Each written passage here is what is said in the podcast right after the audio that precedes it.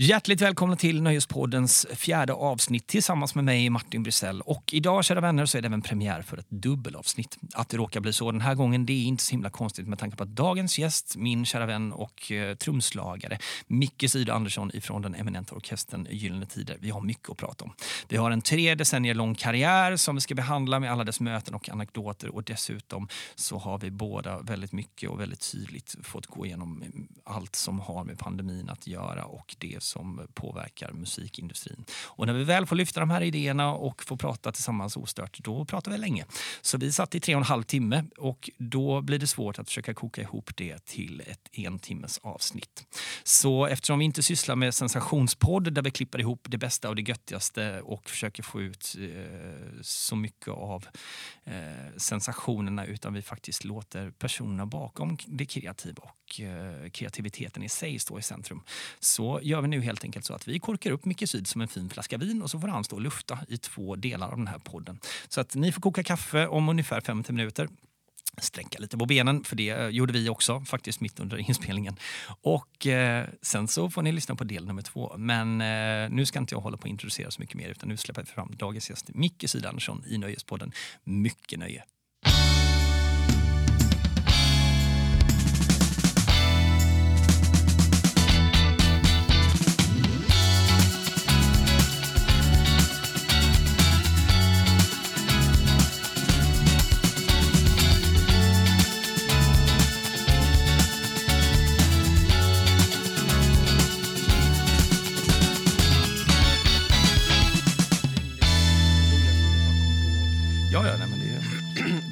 Och om vi vill ha mer kaffe och så. ja, ja, ja Och så absolut. kan jag säga att ah, vi måste nog vara klara till typ kvart i tre.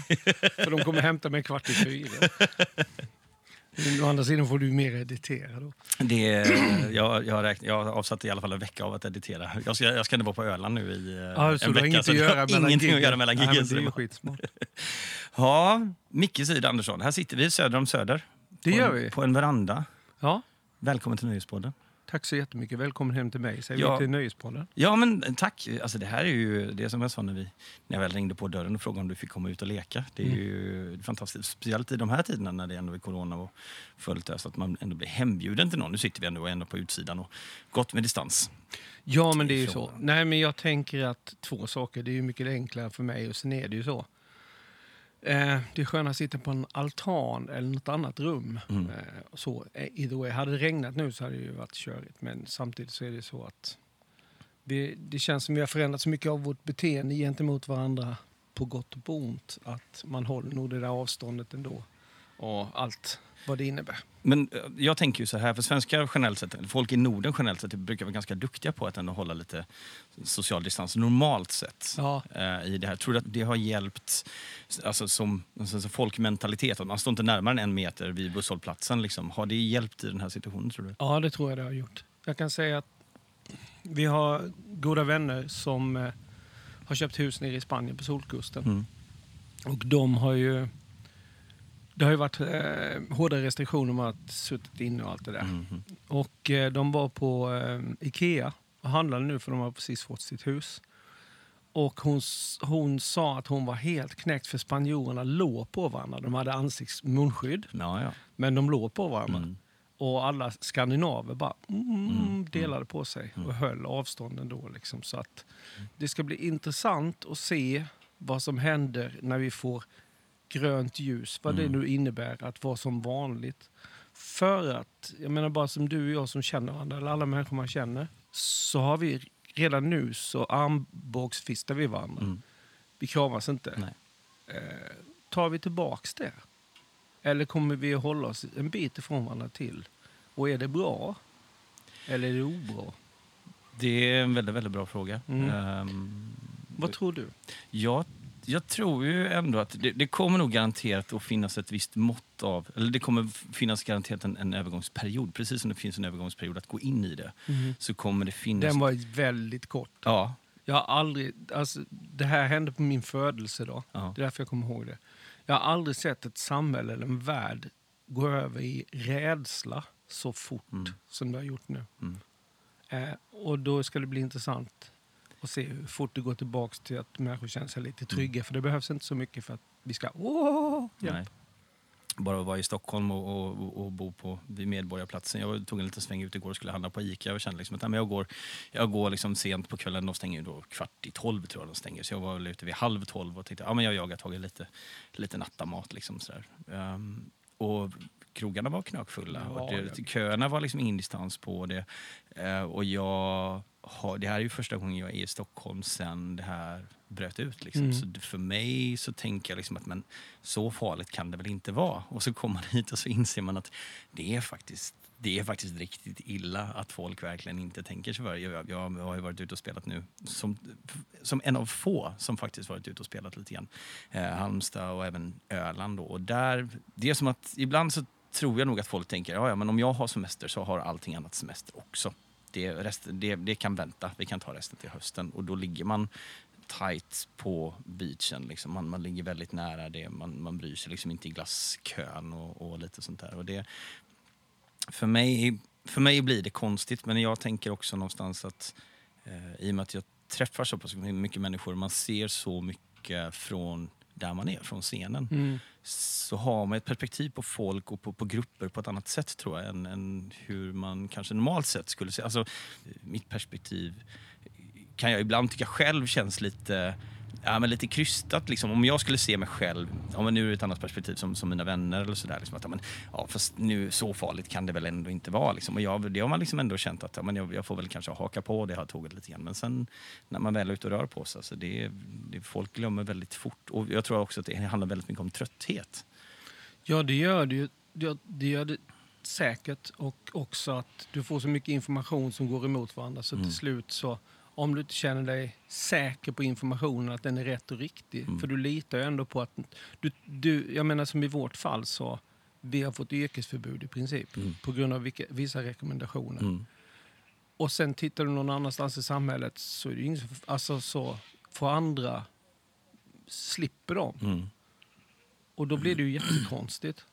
Och, och jag tror också att människor vi har lätt att anpassa oss till rädsla, för mm. så funkar vi, så funkar mm. hjärnan, att vi tar till oss det. Men samtidigt så har vi ett behov av att vara med varandra, vara mm. nära varandra och göra saker tillsammans. Såklart. Som finns, som ligger djupt i oss och då har du, jag menar det här att vara instängd, även om vi har kunnat vara ute i Sverige, är ju inget vi har upplevt innan. Nej.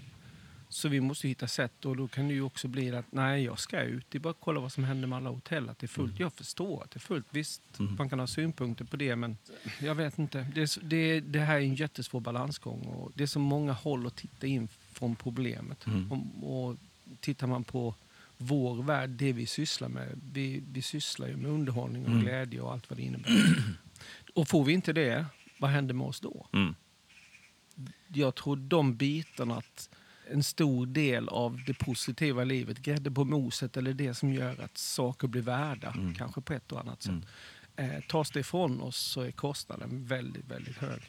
Speciellt i det långa loppet. Har du känt, eh, när, så, alltså när ens hela karriär eller hela ens, ens yrkesliv släcks på två sekunder, liksom, helt plötsligt så jobbade vi jättemycket och sen så finns ingenting. Jag upptäckte någonstans på vägen där lite grann att man börjar ifrågasätta lite grann en, en syfte på något sätt.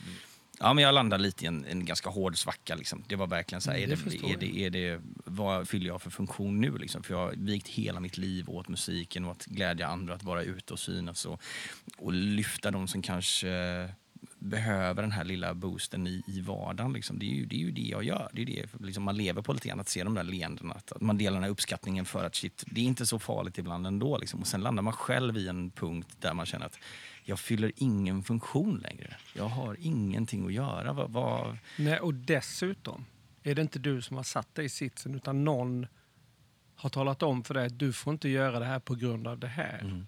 Och det är en aspekt av det. Mm. Sen den andra aspekten som vi ser nu då är att andra får göra, folk samlas ändå. Mm. Så det skulle gå alldeles utmärkt mm. att hålla konserter. Ja. För att folk är redan inne i tänket. Mm. Och nu får inte folk i mångt och mycket det där som du pratar om och som Nej. jag också kommer ifrån. Mm. Vad händer med oss då? Mm. Det finns, om man ska bara nyfiket titta på den här frågeställningen med kostnader och konsekvenser av allt som har hänt. Och jag lägger inga värderingar, jag tycker ingenting, jag bara funderar. Mm. Så är det ju så att det finns ett pris att betala sen också. För alla val, var vi än väljer, så kommer det alltid en konsekvens. Mm. Men oftast väljer vi inte och tänker på konsekvensen Nej. först. Vilket skulle vara en fördel ibland. För det Mm. finns väldigt många aspekter. Hur, på, man tittar på det här, vad som har hänt och allting Mm. som du säger med. Och jag menar, vi, jag tror tvärtom, nu kan vi inte det. Nej. Och det får man respektera. Mm. Men vi har ju verkligen ett syfte nu. Mm. Om något. Absolut. Jag har gjort några små grejer, privata grejer för kompisar. Mm. Och eh, feedbacken jag får är ju liksom, ja, men det är det du säger med. Det är uppdämt behov av glädje, lite flykt, Mm. lite sjunga med i låtar vi har Mm. minnen till. Alla de där bitarna som har varit min karriär, precis som din karriär. Och jag tror det är ännu viktigare i sådana här tider. Och sen är det ju lite tufft när man inte får göra det. För ja, men sen vet ju du också, du är ju en mångsyssla inom det här. Det är otroligt många människor som jobbar med allting kring ljud, ljus, allting. Mm. Som inte tjänar några pengar. Nej. Och de får ingen ersättning. Det har ju varit mycket diskussioner och för mig är det helt absurt. Mm. För i flera andra länder i Europa och i världen säkert så har de ju tagit hand om kulturen. Mm. Och då, är det inte bara den kulturen som är statligt. Utan alla de här människorna som gör att vi kan ha våra möten. Oavsett om det är företag eller det är gig eller vad som helst. Allt Mm. det där vi inte tänker på. Nej. Som håller på att gå åt helvete. För det jag tänker är att konsekvenserna på sikt, alltså för en kreativ person som du och jag till exempel, vår kreativitet stannar ju inte med att, att branschen kanske försvinner. Om man är låtskrivare till exempel, så ja, men då har man lite mer tid att lägga på ett projekt som man kanske la på hyllan. Eller, ja, men, som i det här fallet då, liksom, att, men nu finns det faktiskt tid att åka ut och, och verkligen göra, göra slag i saken av podden. För att nu finns det också möjlighet att faktiskt träffa artister alla är hemma. alla, alla är hemma och gör ingenting. Eh, och det är ju en sak, men sen kommer man ju till punkten när man ser på verk, ja, men som du säger då, de som är um, alltså gigjobbare, alltså ljudtekniker, ljustekniker, alla de här Bokare. bokare, alla de, de har ju verkligen ingen del kvar i det här. Liksom. Eh, utan det, där är det bara bomstopp. Och de kan inte göra någonting av sin alltså, kreativiteten. absolut. Du kan sitta och programmera ljus hemma om du vill. Men det hjälper ju inte för du har ingen turné att jobba mot. Nej. Eller du har ju liksom ingen kund som, som här och du, det här upplägget att du har de här ljusarmaturerna att jobba med och så kan du sätta någonting på det. Nej, men också all stress. Mm. Alltså stresspåslaget för det är när det inte kommer in några pengar och du Mm. har familj, du har boende och Mm. allting. Jag menar, det är ju... Det kommer kosta. Mm. Och det måste man ha med i allt i en sån här situation. Och det är otroligt mycket som måste tänkas på. Men det är ju fortfarande så att det kan ju drabba folk. Såklart. Ja. Um, och det jag tänker för din del, alltså, och i det här, nu har vi kastat oss in i en, en, i en diskussion på en. Det är så härligt med dig, för man kan verkligen bara kasta sig rakt in i en, en diskussion. Och normalt sett så har vi en introduktion till våra gäster. Ja. Eh, så jag, ja, den var för en stund sedan. Ja, jag tänkte att, jag tänkte att vi kan, eh, jag tänkte att vi ska dra en introduktion så att lyssnarna ändå vet vem du är. Så här kommer den helt enkelt. I Oxens år föddes denna charmiga man som skulle sätta Haverdal, slash Harplinge, slash Halmstad på kartan genom sina musikaliska erövringar i pop-Sverige och för den delen hela världen. Han har haft en stickad mössa på sig under en turné eftersom hans frisyr inte riktigt blev som han hade tänkt sig. Har skrivit en kärlekshyllning till Glenn Hysén, turnerat med Eva Dahlgren och framförallt så har hans trumspel fått de flesta att kunna känna igen en Gyllene Tider-låt innan den ens har börjat. Välkommen till Nöjespodden, Micke Sid Andersson! Den introduktionen. Ja, välkomna till mitt liv. Bland permanentade hår och annat. Vi, vi kommer till det sen också givetvis. Självklart. nu- men, det är men, saker man inte får missa. Nej, precis. Men vi, vi har en stund på oss Ja. att eh, prata. Ehm, Jag älskar att vi har miljöljud. ja, jag älskar Som är också... autentiska. Precis. Det är, det är fågelkvitter och det är susar i träden. Och det Vänta, är, det går med en tut-tut, då blir det party. Du då. vi är ändå söder om Söder. Ja, det är där det händer. Tyvärr. Och vi, anledningen till att jag är här är ju just för att vi pratar kreativitet. Och då tänker jag någonstans i din... Har du varit kreativ mycket? Nej, men, nej, men det är så Nej, här. det är ju ehm, i många...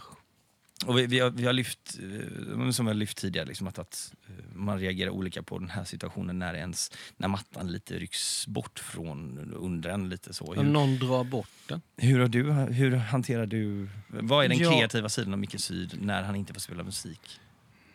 Ja, det här har ju aldrig hänt. Nej. Jag, nu när allting hände där i mars så tänkte jag att intressant, efter 41 år ska jag inte få spela. Mm. Eh, och så är, var jag ju tacksam för att vi fyllde 40 förra året och Mm. inte i år. Ja, det var bästa turnétajmingen tror jag på. Ja, det är inte mycket som slår det, så att vi är glada för det. Mm. Och sen tog det ett tag. När d- allting bara försvann. Nu har jag en viss buffert att stå på, alltså Mm. så jag kan betala mina räkningar. Mm. Det gör ju att det blir lugnare. Måste jag, det, det är verkligen så. Och därav min extra bryddhet för alla dem i min värld och hela, alltså i hela samhället, självklart. Mm. Men nu är det så att det känns som att vi är en av de yrkesgrupper som det har försvunnit fortast och som diskussionen är som det tar längst tid att komma tillbaka för. Mm. Och jag tror och vet att vi är en extremt viktig grupp för samhällsglädjen. Mm. För så många aspekter beroende på vad du tycker om. Och får vi inte det så mår vi inte bra. Nej. Och det kan kosta mer än de människor som tyvärr gått bort i det. Mm. Tror jag, både i hälsa, i hela spektrat av det. Det är vad jag tror. Nu hoppas jag att det inte blir så. I alla fall. Eh, så det är ju ett faktum. Bara Mm. så att, nähä, nu vart det inget. Mm. Nu får jag inte jobba. Vad är jag då? Och för mig har det varit mycket att jag har nog inte gjort så mycket för att mitt... Vi, som, som du och jag pratar så är vi lite olika världar för att jag... Där jag är just nu, som jag har gjort i alla år egentligen, eh, i säkert 15 år sedan Gyllene. Mm. För Gyllene är ju verkligen vart nionde år och nu var det ett sjunde år Mm. emellan. Det är ju att jag har åkt runt och det var ju så du och jag träffades. Så att jag sjunger Mm. våra låtar. Mm. Eh, många gånger ihop med Tom Ekman freestyle. Mm. Ibland Susie Päivärinta från Päivärintasyrorna. För att vi tycker om att göra saker ihop. Mm. För att de här banden som vi representerar är starka historiebärare. Av minnen, av liv, av allting. Och det är kul, och precis som det du gör, att man ser människors ansikten. Man får massa Mm. historier, man får en bra stund med dem. Ja men precis, och det märker man ju bara på genomslagen på de här We Love the 90s eh. Ja, ja, när man, 80s-grejerna som Ja precis, man tar Mm. alla de här One Hit Wonders människorna och ställer på samma scen. Liksom, Mm. och det, det, det blir också en sån här, för det, det blir en otrolig nostalgitripp och du har ju ändå haft möjligheten att vara med i ett band som verkligen har representerat mer eller mindre liksom en, en generation av människor som har växt upp med Ja, svensk pop. vi, vi ju, och det som jag kan säga, var där så är vi ju ganska unika för vi har haft hits i varje decennium. Mm. Vi är inte ett 80-talsband, för vi Nej. hade bland de största hitten på 90-talet och även på 2000-talet. Mm. I alla fall. Nej, så att ja, för mig har det bara varit mycket att vara. Nu håller jag ju på, nu är jag ju intresserad av välmående i det stora, för att jag vet ju att musik, jag, jag brukar kalla mig för handelsresande i glädje. Mm. För det vet ju du med att när vi öppnar käften så blir folk glada. Oftast ja. Oftast. Ja, men jag är ju verkligen en, jag är en symbol för solen som vi sitter i nu och Mm. sommaren och de där månaderna som vi här uppe så väl, väl, väl behöver Mm. för att palla med resten. Mm. Och där någonstans är ju jag en av fem som står för den känslan. Så att följaktligen om jag åker ut och spelar en sjöbod på Paternoster Mm. eller om jag står på Ullevi Mm. så är jag den historieberättaren. Precis. Och, och, så att jag har ju bara tagit mig själv i olika konstellationer. För mig då som trumslagare med vad det innebär, som jag älskar också. Mm. Men det är en annan roll. Det, där, där står jag för något annat. Där är jag något annat i ett kollektiv. Till att få stå längst fram och vara med folk. Mm. Eh, underhålla, snacka. Ja, men, som du gör. Alltså Mm. vara med dem. Snacka med dem, se dem. Få höra saker. Det blir liksom så mycket mer än att bara framföra låtar. Och den biten fanns ju ingen plats för mig hos i början. För dels fick jag, jag har ju, det är den där klassikern att alla trummisar vill ju egentligen stå längst fram. Vi ser bara arslet på folk, Mm. typ. Mm. Det är inte alla som vill det, men jag, har ju, jag gillar ju att vara med människor. Liksom, men det följer sig inte naturligt att jag fick testa det förrän ganska långt efter vi slutade. Och så Mm. när jag väl gjorde det så kom jag på att det här är ju kul. Mm. Och sen är det ju också, jag har låtarna. Ja. Jag kan gå upp och spela en timme så är det bara hits. Mm. Och det är väldigt tacknämligt. Men det är också kul för att på något sätt så får... eh, Det är ju mitt liv jag åker runt med. Mm. Bara med mig. Med Gyllene så är det en sak för det är ju fem som, det är ju vi som är facit. Liksom. Mm. Men att göra det här i den lilla, vilken nivå den är på att möta folk. Ja, men som du och jag hoppade upp och gjorde ett spontangig på någon fest. Ja, ja. Jag tycker det är så jävla kul Mm. för att det är fakt- då måste du vara där, du måste kunna ta folk. Du och jag ska hitta något, hur jobbar vi, alltså hur gör vi det här? Och det sker hela tiden i realtid och många gånger, det är ytterst sällan jag har känt att ah, men det här flyger inte. Nej. För det handlar ju också om, och det du pratade om innan i den här musikbranschen, det handlar ju mer om vem du är när du gör det du gör. Förutom då alla andra saker du ska kunna. Och jag, jag tycker ju fortfarande det är så otroligt kul att bara få gå upp och göra det. Se, vad händer nu? Hur reagerar den? Och så kan du spela på det eller så gör du något annat eller så pratar du med någon eller någonting sånt där. Och det spelar liksom ingen roll, tycker jag, om det är på Ullevi eller om det är i en sjöbo på Paternoster. För jag menar, jag tog en selfie med 55 000 pers på Ullevi. För jag bara berättat, det här är en bucket list. Jag fick chansen Mm. för tredje gången. Jag måste ta en selfie Ja, ja. med. Så där finns bilder på mig. Dels min bild, men så Mm. finns det tre bilder till när jag tar selfie. Ja, ja. Och det är ju en liten sak men för mig då att kunna få göra det. Men du vet ju själv när du står på en scen att om du är med folk på ett bra, kärleksfullt sätt så kan du få människor att göra så mycket saker. Och det Mm. blir ju sånt, det blir ett sånt grymt möte oss emellan. Och det kommer jag aldrig bli mätt på, tror jag. Nej. Om man pratar det här om att jaga kickar hela tiden så det tar ju liksom aldrig slut men man når ju sina platåer. Att stå på Ullevi till exempel är ju verkligen en, en, en grej som, som jag har haft turen att få göra också. Liksom. Ja. Det är en enorm känsla av att göra en stadiongrej där man faktiskt där man verkligen får möta sina rädslor också. För Ja, även musiker har ju den känslan av att shit, om jag går upp på den här jättescenen, tänk om alla buar ut mig, vad jobbigt det måste bli. Vad, vad jobbigt det blir då, liksom, att man skärper sig och sen när man väl, när man inser liksom att det här flyger liksom. Det, Mm. det, Ja men det är ju ett, mö- det är ett möte. Ja men det är ju Mm. precis det du säger. Och jag, jag kan inte se... Alltså för mig, Mm. jaga kickar det var mycket mindre, mer när jag var ung. mm. Nu är det bara uppskattning och eh, guldklockor. Om man ska säga. Alltså Mm. möten i det stora, i det lilla, små saker där jag får feedback på att fan, jag har rätt på det här. Alltså hur jag är, vem jag är. För Mm. mig är det mycket, vem är jag? Vem är jag i mötet med dig? Vem är jag i mötet med, ja men som när vi åker runt och spelar med band. Mm. Och det vet ju du som har spelat med hur många som helst. Så Mm. det, har jag också, det, är ju, det är en sak som jag uppskattar att jag har fått göra också. Att jag har ju faktiskt varit coverbandsmusiker. Jag Mm. har gjort allt Mm. som finns att göra. Utom att vara trubadur, för jag har varit för lat för att lära mig spela gitarr. Men i alla fall, jag har fått prova på egentligen alla olika saker man kan Mm. göra och lärt mig det. Mm. Men jag gillar ju det där och den jag är i det mötet jag gör avgör väldigt mycket hur bra det går. Mm. Eller hur trygga människor känner sig, eller hur mycket folk vågar bjussa på sig själv. Om man spelar med ett band som man kanske aldrig har spelat med. Mm. Eh, Eller möter någon bara gör någonting på on the Mm. fly. Liksom. Och jag tror inte det spelar någon roll egentligen om det är en pers som tittar eller du jobbar med eller om det är 50 000. Nej men precis. Och sen är det också det att... Och det vet ju du med att när man får den här kontakten med någon i publiken och publiken ser att vi tittar på dem, Mm. vi är med dem. Mm. Då bjuder du upp till dans direkt Mm. och det...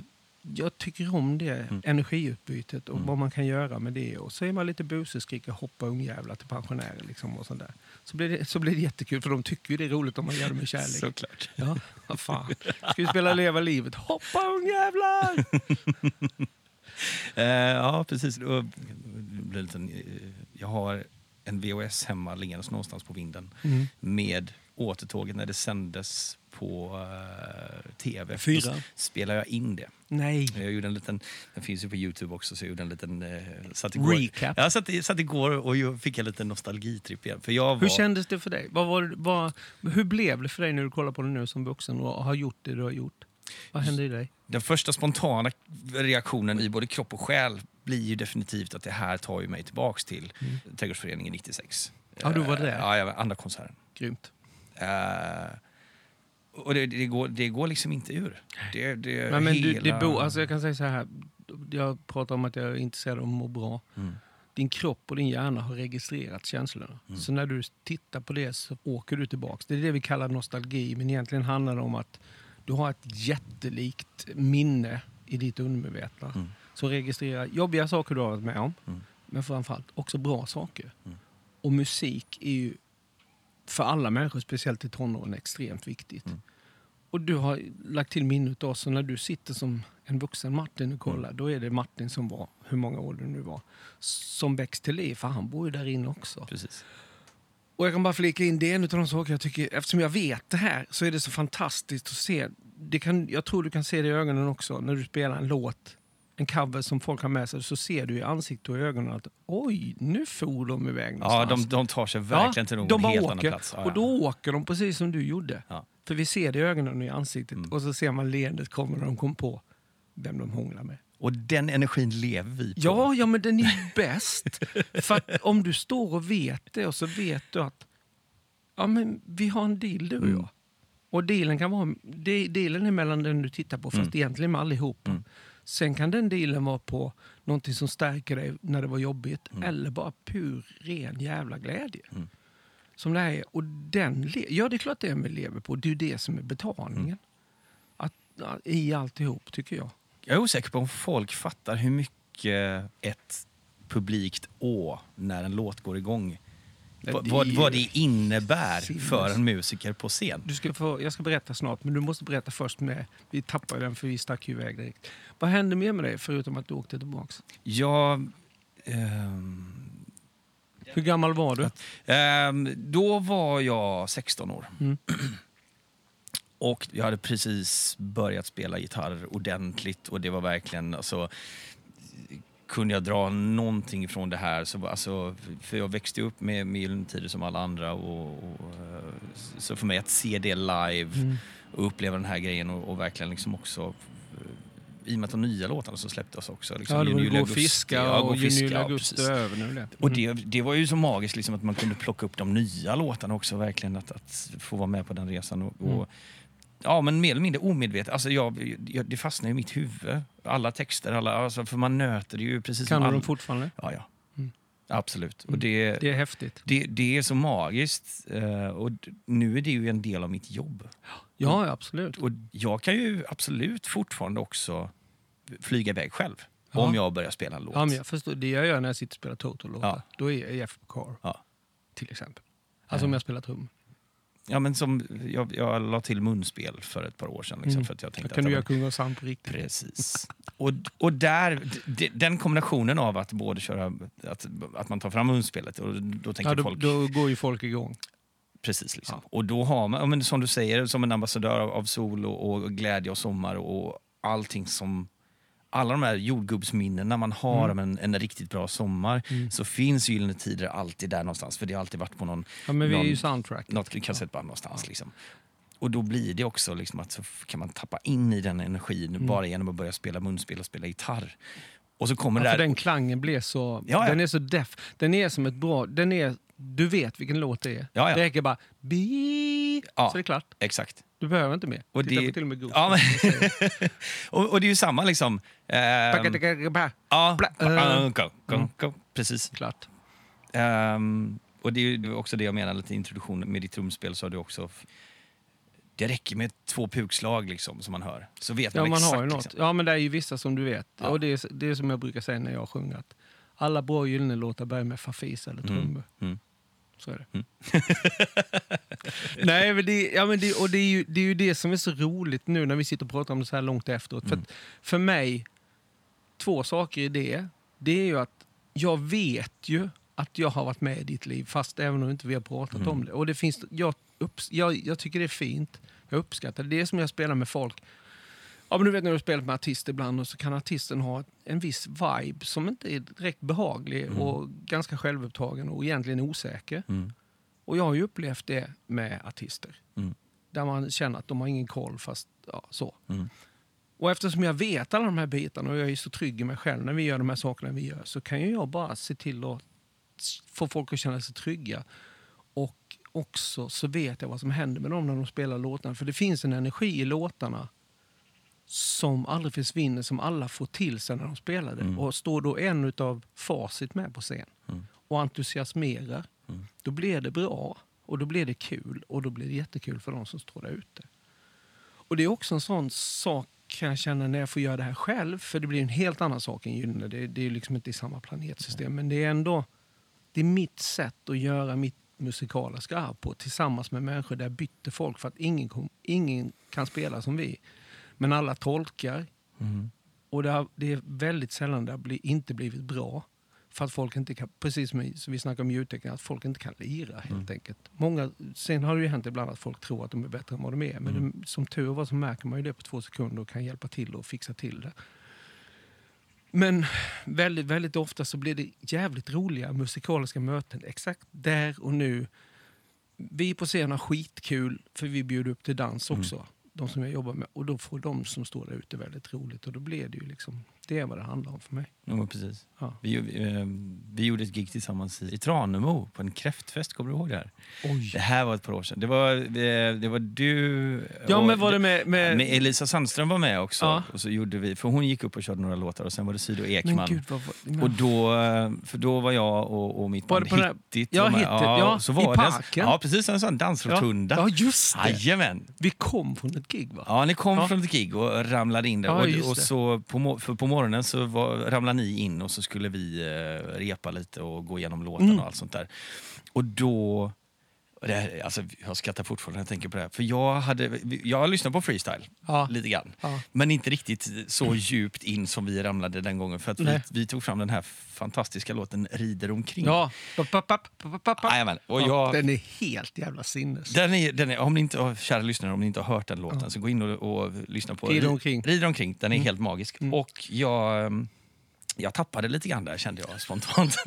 för vi tog en liten paus för att några av oss behövde lyssna in sig på låten och egentligen ta, ta in, okej, vad- hur, är- hur, ska vi, hur ska vi approacha Hur det här? är det här hur, hur går det här Ja. egentligen? Eh, och sen en liten stund senare så satt du bredvid våran eh, trummis Anton Ja, just det. och ni lirade tillsammans. Ja. Och jag fick en sån... ehm, där och då så insåg jag... Man, man får, jag får såna instötar ibland när man jobbar med, med folk som man... Ja, men I ditt fall, alltså jag, jag, är ju ett die hard fan och, och tycker det är... är för snäll. Ja, men det, ja, så. Ja. Ja, men tack. så, nej, men så är det. Eh, Du, du har spelat en stor del i mitt liv, så nu får- var skönt att få färna loss lite grann också. Ja, men podd. jag bara säger tack så mycket. Jag, det, det, men det här, jag säger det igen. Det här är underbart att få veta att man har varit det. Mm. För att jag, precis som när du och jag stod på scenen när vi gjorde det, Mm. så är det inget, det är där och då som gäller. Mm. Och sen har jag gjort allt det jag har gjort och det har Mm. gett mig vad jag tror du kommer säga nu. Ja, nej, men för att, bara att se dig sitta och lira trummor bredvid våran trummis och sen att, att, att det slår en i huvudet. Liksom att det här är ändå Micke Syd, han är med och vi ska lira tillsammans. Och det, och här händer faktiskt, men det är lite så här nypa sig i armen Mm. mentalt situation. Och sen och så- så liksom gå gärna lite, ta, ta igenom alla de här minnena man har haft av, av att se dig live och vad, vad din musik har gjort för mig, med mig, i mitt liv, i mitt yrkesliv. Fram till den punkten och sen spolar vi framåt några timmar senare så står vi verkligen i en folkpark mer eller mindre i Tranemo och det är hur mycket folk som helst som bara går bananas. Jaha. Ja, det, de var rätt partyfriskade. Det var, ja, men det var ju ändå en kräftfest någonstans. ja, ja, någonstans Du så att menar det, fanns vuxenläsk? det, det, ja, det, fanns, det fanns en grund att stå på om man säger så. Det fanns en glädjemässig Aj, grund att stå på. Jajamän. Ja. Eh, Och det var inte handsprit. nej, det var verkligen inte handsprit.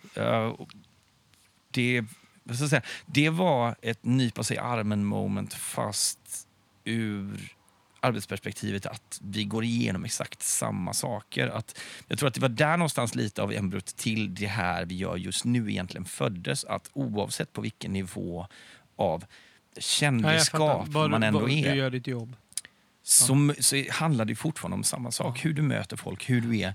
Hur du, kan pe- du kan titta på någon i publiken och instinktivt veta om jag petar lite på den eller säger den här saken till den personen så kommer folket runt omkring att bli Mm. Exakt. helt bananas. Spot on. Och sen kan man bara få... Man, hittar den här magiska lilla touchen någonstans i, i sitt jobb. att Det räcker bara att du säger någon sak till rätt gäng och så går de igång och festar. Och Mm. sen ser man hur folk runt omkring men tittar sig omkring och bara, men vi vill vara med på det här. Och så Mm. Vi börjar man ju- prata med dem och sen så limmar man liksom ihop alla Vi hör ju ihop. till sista bänkraden. Ja. Och sen är vi... Sen är vi det, det, Symbios. det är inte vi och dem längre, det är Nej, vi, det är punkt. Vi. Liksom. Ja, men det är vi. Och det är precis det du säger. För för mig, det här är sagt med ödmjukhet, men jag vet ju om de här sakerna som händer. Sen sägs ju inte de, nu berättar du för mig. Mm. Vilket jag uppskattar jättemycket på många, många sätt. Men det är ju att jag är medveten om vem jag är. Mm. Och i det kommer ju också att den jag är när jag möter er Mm. och alla andra avgör ju ett, hur bra det blir. Såklart. Eh, men också vad vi får med oss av det. Och jag är ju sån som person så att jag vill ju ha bra möten. Och är jag sån så är det sällan det skiter sig. För att någonstans är det ju, vi speglar, och det, det finns nog inget yrke, jag menar det finns ju inte så många yrken du kan ställa dig och faktiskt göra något tillsammans utan att ha gjort ett skit ihop. Nej. Det handlar om att tajma ihop och möta varandra direkt. Mm. Och det är ju faktiskt vad livet handlar om direkt. Skapa rapport. Skapa med publiken eller med dig eller med mig. Och du känner att, ja men i det du går igenom, man spelar med människor, jag har också spelat med människor som jag ser upp till, man känner att den människa som du ser upp till säger, jag ser dig, jag hör dig. Och det, det är jätteviktigt. Mm. För att då är det också att händer någonting, och det kan jag säga när man har spelat med band och så är det så att det vi gör original är ingen som vet. Det är liksom, eh, Mm. rida omkring är lite special.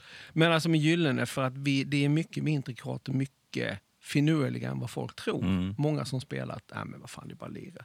Sen går det två takter så talar man om det är inte så det är. Nej.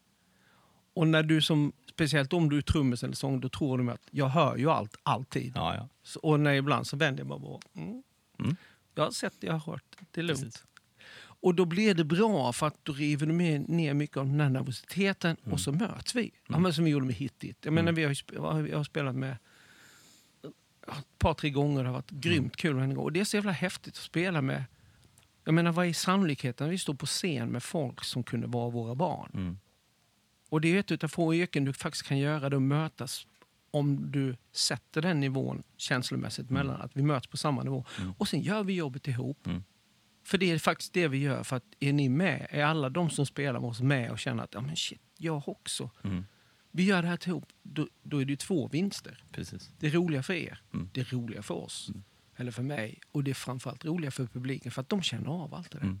De gör det direkt. Och som du säger med blicken, det är så många sådana små saker som du gör. Och jag menar, du har ju ännu mer rutin för du spelar ju mycket mer än vad jag gör. Men det är fort, jag ser det på samma sätt. Mm. Jag, jag tycker om mötena. Mm. Sen, sen är låten bränslet för mötena. Såklart. Och grejen är ju också att jag har gjort några sådana grejer där eh, folk kommer fram som har varit på turnén och sett oss, eller någon av turnéerna. Och det är ju en jätteupplevelse, för det, alla människor är ju där Mm. av samma anledning och det är Mm. väldigt speciellt. Men så kommer de fram och så får de möta någon. Och det är ju bara en femtedel och det är jag och det är inte Per. Mm. Men ändå att det blir något i det mötet som blir personligt som gör att den upplevelsen kanske till och med blir starkare än att ha varit på Ullevi. Mm. Och det är ju jättehäftigt för då har ju jag någonstans med den jag är uppnått någonting som inte är en plan utan det är bara här står jag, nu gör jag det här. Mm. Det här är vad jag har blivit på de här 40 åren. Liksom. Mm.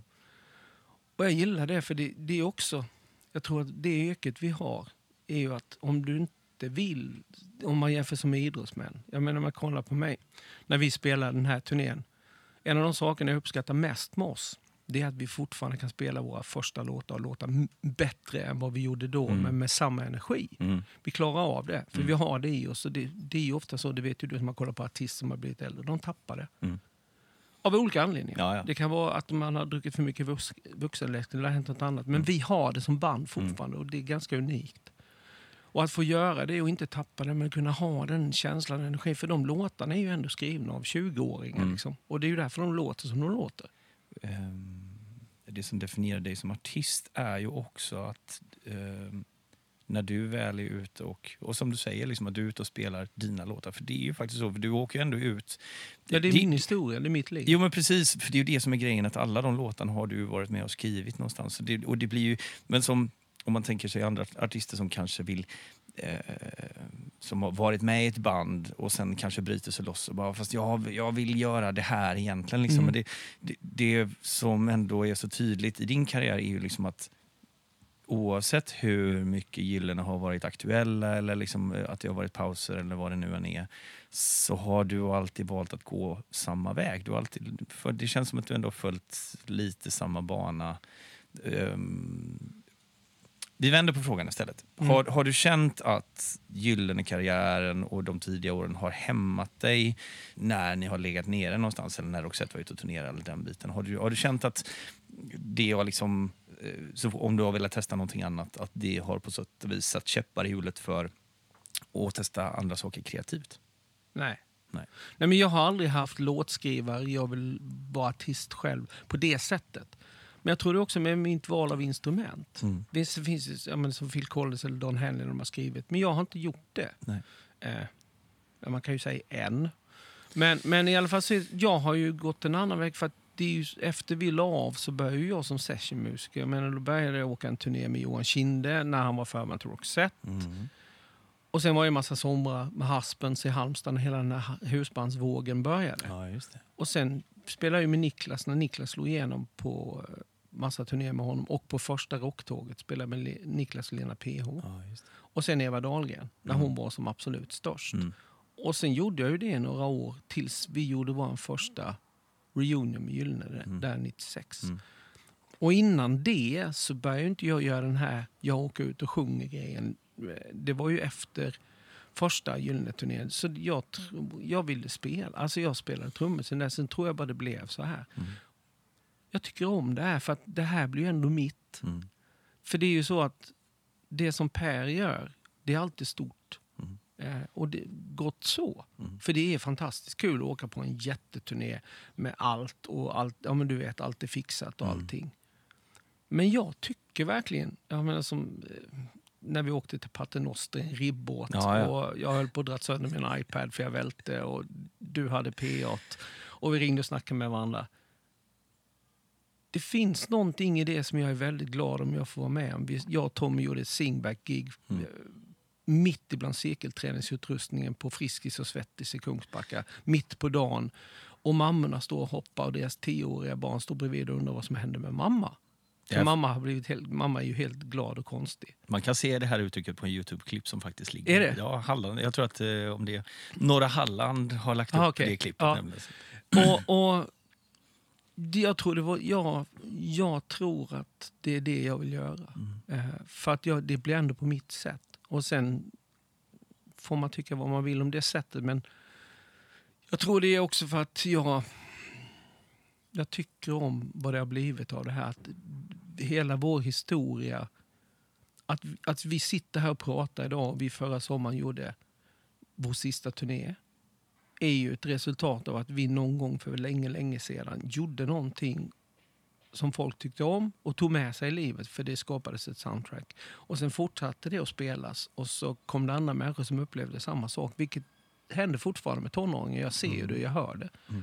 Så att publiken där ute, dig inkluderat, har tagit hand om vårt musikaliska arv och talat om för oss att vi vill gå och se er. Mm. Ni betyder något för oss. Och så säger vi, nej vad fan det vill vi inte. Ja vänta vi gör ett gig, det här var 1995. Ja men vi ställer upp på ett gig för kompisar i Halmstad, en festival. Det var på så- Stora torget? Ja, på? Stora torget. Ja. Och det roliga med den är då att vi ville inte spela. Nej. Då hade vi gjort en liten release för att vi hade släppt, ja men de, det var nog Det är över nu och kanske Kungasand. Kungasand, ja, 95. Ja. precis. Eh, och så gjorde vi ett litet gig i källaren på ett ställe och bjöd in lite fans. Och det var ju när Roxette-fansen kom- började komma också. Ja, liksom. Så vi var 150 pers och skrev ni måste åka ut och spela, ni är alldeles för bra. Liksom. Och vi bara, äh, vad fan, kommer inte hända. Vi repar en timme. Liksom. Mm. Hade inte spelat på tio år. Och, och så får vi det här erbjudandet från vår, våra kompisar dessutom. Och då skulle jag spela med Haspens på samma gig. Mm. Och vi säger nej, vi kan inte göra det. Ja men fan det är polare, hur ska vi komma över det? Äh, vi begär skitmycket betalt. Mm. Och så begärde vi skitmycket betalt med en tidestecken. Och så säger de ja. och jaha, okej. Ja, då är det bara att börja repa lite då. Vi gör det, de går ut med biljetter, Stora torg, och de tänker 3-4 tusen pers, det blir bra det här. Och de var tvungna att stoppa efter 17 000 pers på två dagar. Då fattar vi att vad fan händer nu liksom? Vi hade ju ingen aning. Vi, alltså samlingsplattan, du får tänka, när samlingsplattan gick från vinyl till CD, då sålde vi en halv miljon plattor Mm. av samlingsplattan. Och det var andra gången vi släppte den här samlingsplattan. Då borde man ju ha förstått att, whoops, vänta nu, vi lever kvar. Mm. Och så gör vi det här giget och det är bara... Mm, Ja men det är plattan i mattan. Och då ville de att vi skulle åka förband till GES den sommaren. När GES var så Mm, ja, efter just det, ja, VM. Och vi sa nej, nej, nej, kommer inte hända. Nej. Och då blev ju det här återtåget. Och det var, för mig då personligen var det ju skithäftigt för då hade jag varit ute med Eva Dahlgren, Lisa Nilsson och Ledin när de var som störst. Och vi hade publiksiffra på 200 eller 300 000 någonting. Mm. Och så åker vi ut med Gyllene med Wilmer och Love Mm. Olsson. Och slår det. Ja. Jag kommer ihåg när vi kom första gången, första gigget i Sofieroparken i Helsingborg. Mm. Då har du åkt dit som musiker, fast du, jag, menar, jag spelar med både med Niklas och Lena och, och Eva, men Eva var ju den senaste av dem, 92 då. Mm. Och hon är en underbar människa, så att var, du var ju delaktig. Mm. Men när du åker dit själv med någonting som du inte har gjort och som du aldrig trodde du skulle få göra igen. Nej. Och ser alla de här cyklarna och allt folk och allt sånt där, då är det bara så här, jaha. Och sen har det ju varit så. För att vi har ju aldrig sagt att vi kommer inte tillbaka igen. Vi har bara sagt tack så mycket. Nu går vi tillbaka i grottan som Fantomen och så får vi se om vi går på stadens gator igen som ett vanligt band. Och sen har ju publiken förvaltat det och sagt ja men nu får ni komma tillbaka en stund sen. Och så har vi gjort det så har det blivit större och så har det hållit sig liksom på en, en sån nivå. Och där du hela tiden får ja, men sociala medier och du får hela tiden berättelser. De senaste tre turnéerna har ju liksom varit folk från 29-30 länder i världen och kollar på. Som åker liksom, du vet. Hej, fick jag på Messenger i, i förra våren. Då. Hej, jag heter Carlos, jag bor i Buenos Aires. Jag har lärt mig svenska på universitetet i Buenos Aires. Felfri svenska. Nu är det så att nu får jag äntligen med mig min fru till Sverige. Och nu har jag fått tag på biljetter till båda Halmstad-giggen och Malmö, men inte Helsingborg. Kan du hjälpa mig? Vänta, Okej, vänta nu ska vi se här. Han åker från Argentina för att kolla på oss. Fyra gig. Och sen åker han hem igen med sin fru. Mm, jag löser det. Eller det kommer en kille från västra Australien. Mm. Flyger upp.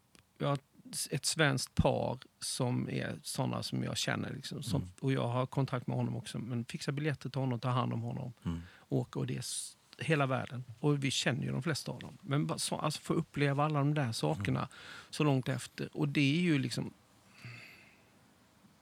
Det, det, du blir ständigt påminn av det. Mm. Men det är ju en av det, för mig är det ju samma sak som det du berättar om hur du var med. Så att, jag tror det handlar om att du har faktiskt gjort något bra med ditt liv. Mm. Och det, har inte, det är ingenting du har tänkt ut. Det har bara blivit.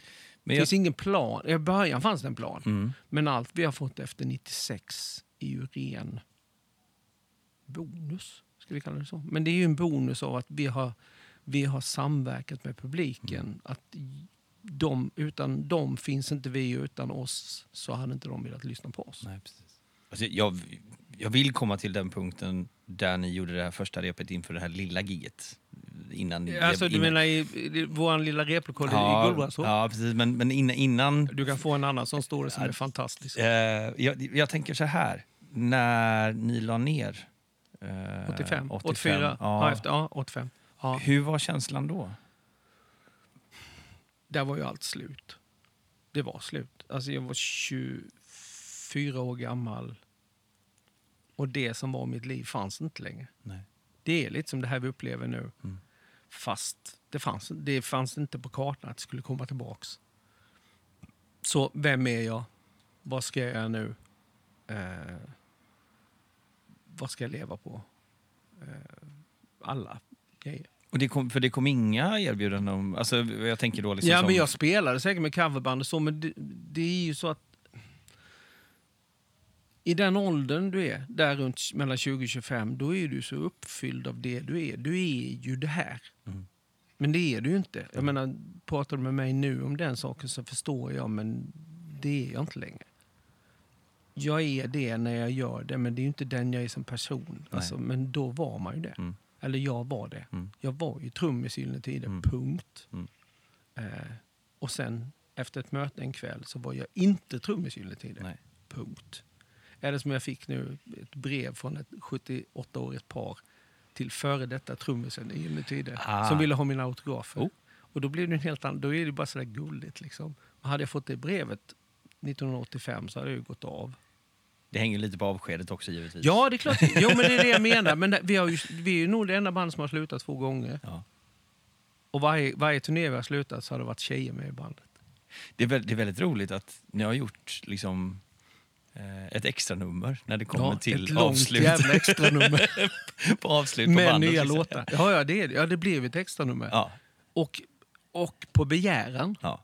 Det är ju inte så att nej, vi åker ut och ser om det kommer någon. Det har ju någonstans funnits ett underlag för annars hade vi ju aldrig gjort det. Och att vi alltid har bestämt oss för att nej, nu spelar vi in en ny platta. Mm. Hur låter vi nu? Mm. Och jag tycker att vi har gjort, speciellt sista plattan, är bland det bästa vi har gjort. Mm. Och det är också en sån här egen liten historia om kreativitet. som jag kan komma in på lite lätt om du vill lite senare. Där kör vi en liten bensträckare, kära vänner. Det kan vara gött. Ställ er upp, gå och koka kaffe en sväng och så eh, ses vi i del nummer två av Nöjespodden tillsammans med Micke Syd.